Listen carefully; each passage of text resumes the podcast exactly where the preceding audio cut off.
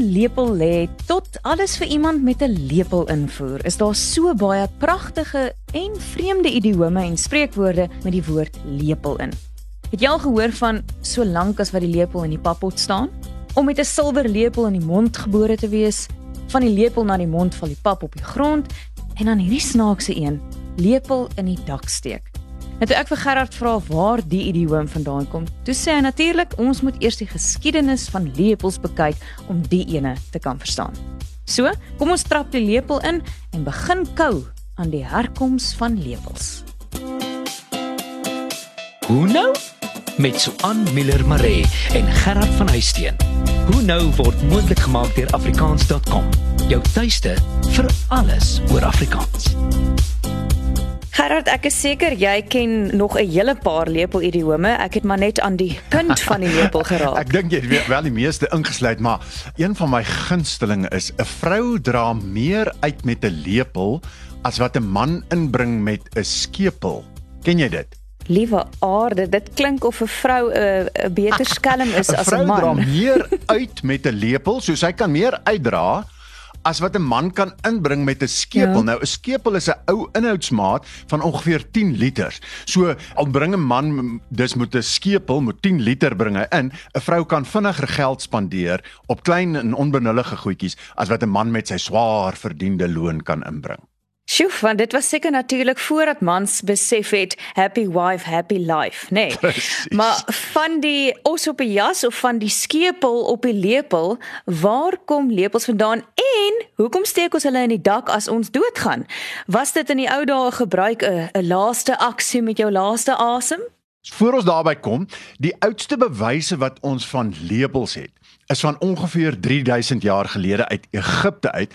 Nou waar hulle hoofsaaklik van ivoor of leiklip, vuursteen en waarskynlik van hout gemaak is. Ah, maar as hulle van hout gemaak is, kan ons seker aflei dat lepels wel ook ouer as 3000 jaar is.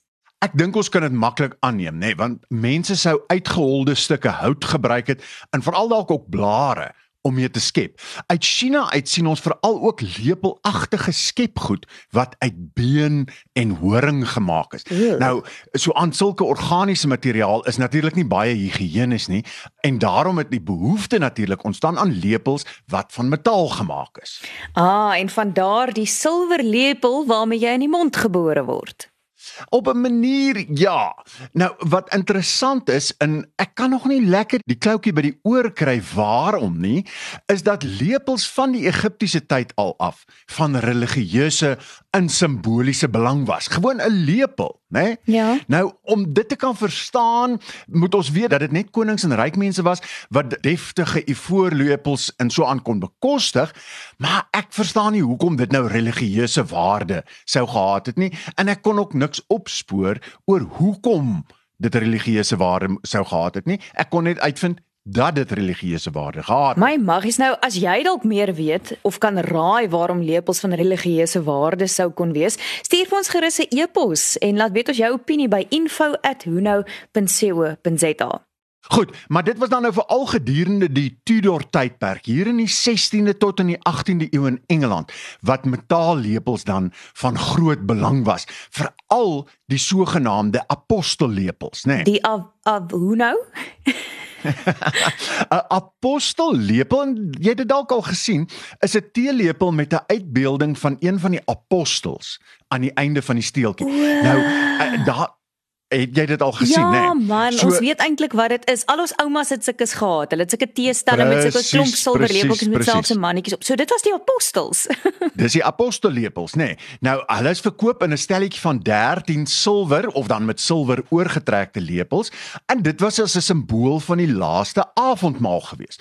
Ook in die 16de eeu was dit 'n populêre gebruik onder ryk mense dat die peetouers van 'n kind vir die kind 'n silwer lepel gee by sy of haar doop Nou as jy dis met 'n silwer lepel as dit ware in die mond gebore word, dan was voorspoed en rykdom jou beskore. Nou, die gebruik het eintlik in onbruik verval, maar ons skryf vandag nog, nê, nee, as jy by die Vroue Landbou Unie vir jou borduurstuk of 'n bottel arbeid konfyt eerste prys wen, nou dan wen jy 'n teelepel, nê? Nee, en dis waar die ding vandaan kom. Kom uit daai apostellepel tyd uit. en dis eintlik 'n ou bygeloof wat tot 'n kosbare tradisie gelei het en dit kry ook meer waarde as mens weet waar dit vandaan kom, né? Nee? Inderdaad, inderdaad. Nou net na die advertensies gesels ons oor hoekom 'n mens nou eintlik lepel in die dak steek as jy doodgaan, bly ingeskakel.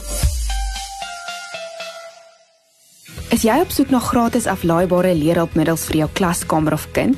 Afrikaans.com se leerhulp afdeling is net die plek. Plakkate, flitskaarte, luister- en begripstoetse, vraestelle, studiegidse en meer van prettige aktiwiteite tot kurrikulumgebaseerde inhoud. Afrikaans.com se leerhulpafdeling bied nuttige hulpmiddels vir voorskool tot matriek. Besoek afrikaans.com se leerhulpafdeling en maak leer lekker. Jy luister na Hoe nou met Gerard en Swan en Swan en Swan.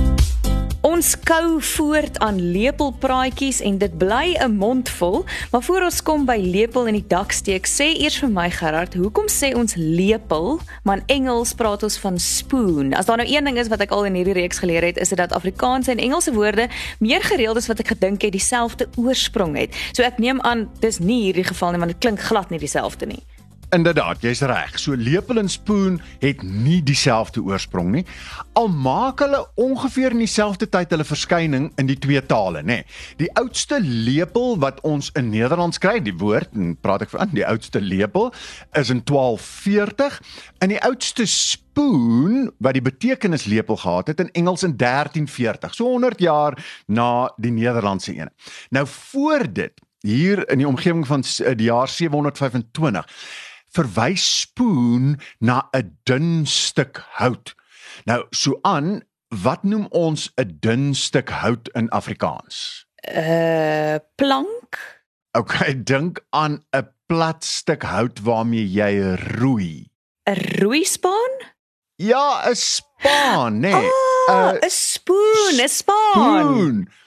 Presies, so spaan en spoon het dieselfde oorsprong. In Engels het dit die woord geword vir lepel, terwyl ons 'n ander woord uit Nederlands uitgekry. My maggies. Nou goed, vertel vir ons dadelik hoekom steek ons lepel in die dak as ons heen gaan?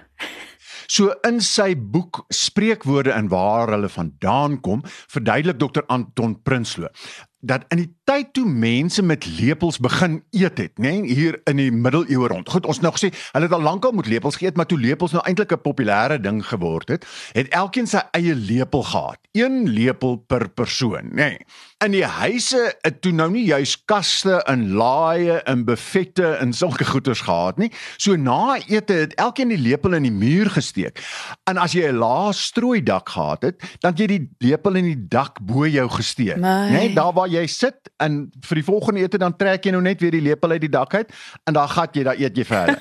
nou as jy dood is, het jy dan nou eintlik die laaste keer geëet en bly jou lepel dus in die dak steek. En daarom sê ons tot vandag toe nog as iemand doodgaan, hy het lepel in die dak gesteek. My maggies. So ons kan dus sê dat lepels nommer 1 van die Egiptiese tydperk 'n religieuse konnotasie gehad het en dat spoon van Spaan afkom, dat lepels aanvanklik uit been, hout of blare gemaak is, dat dit die fancy Britte is van die Tudor tydperk wat met metaal en silwer apostel lepels vorendag gekom het en dit gewild gemaak het en dat middeleeuse strooidakhuise se dakke altyd vol gebruikte waarskynlik lepels was. En omdat jy was gesê het wat hulle nie baie gedoen het daar in die middeleeue nie, kom ons hoor wat sê die luisteraars. So Gerard Masha van Wildernis wil graag weet, wat van messe en virke het dit voor of na lepels ontwikkel? Sy verwys byvoorbeeld na stokke waarop hase gespit braai is, sinema en vleis wat met skerp klippe gesny is. Waar val dit in die kronologie in? Ek het vlugtig daarna gekyk terwyl ek nou hiervoor voorberei het en dit lyk vir my dat messe waarskynlik voor lepels ontstaan het, nê? Nee, of in dieselfde tyd, want jy moet iets sny en dan moet jy dit in jou mond kry. Nee, so en of jy dit nou met 'n klip sny, want ons weet van die oudste artefakte, menslike artefakte wat ons kry, het skerp kante gehad wat mense waarskynlik gebruik het om mee te sny. So lepels en messe is baie oud, maar vurke het eers baie baie baie jare later gekom. Jy sien, dis hoekom jou beste tool as voortrekker was gewees daai ons het dit altyd op kampe gehad, dis so lepel aan die een kant en 'n mes aan die ander kant. Jy kon alles daarmee doen. Mes, ja ja ja. Nee. Presies, presies, presies. jy kon jou maatjies ook daarmee dreig. nou ja, toe baie dankie. Dis alwaar vir ons vandag tyd het. Gesels gerus saam by info@hunou.co.za en vir die volgende episode, onthou om in te skakel op jou gunsteling streeksradiostasie. Tot dan. Doodles. Hoe nou is saamgestel en aangebied deur Suan Miller Maree en Gerard van Huisteen en word moontlik gemaak met die tegniese ondersteuning van Marula Media en die finansiële ondersteuning van afrikaans.com. Jou tuiste vir alles oor Afrikaans.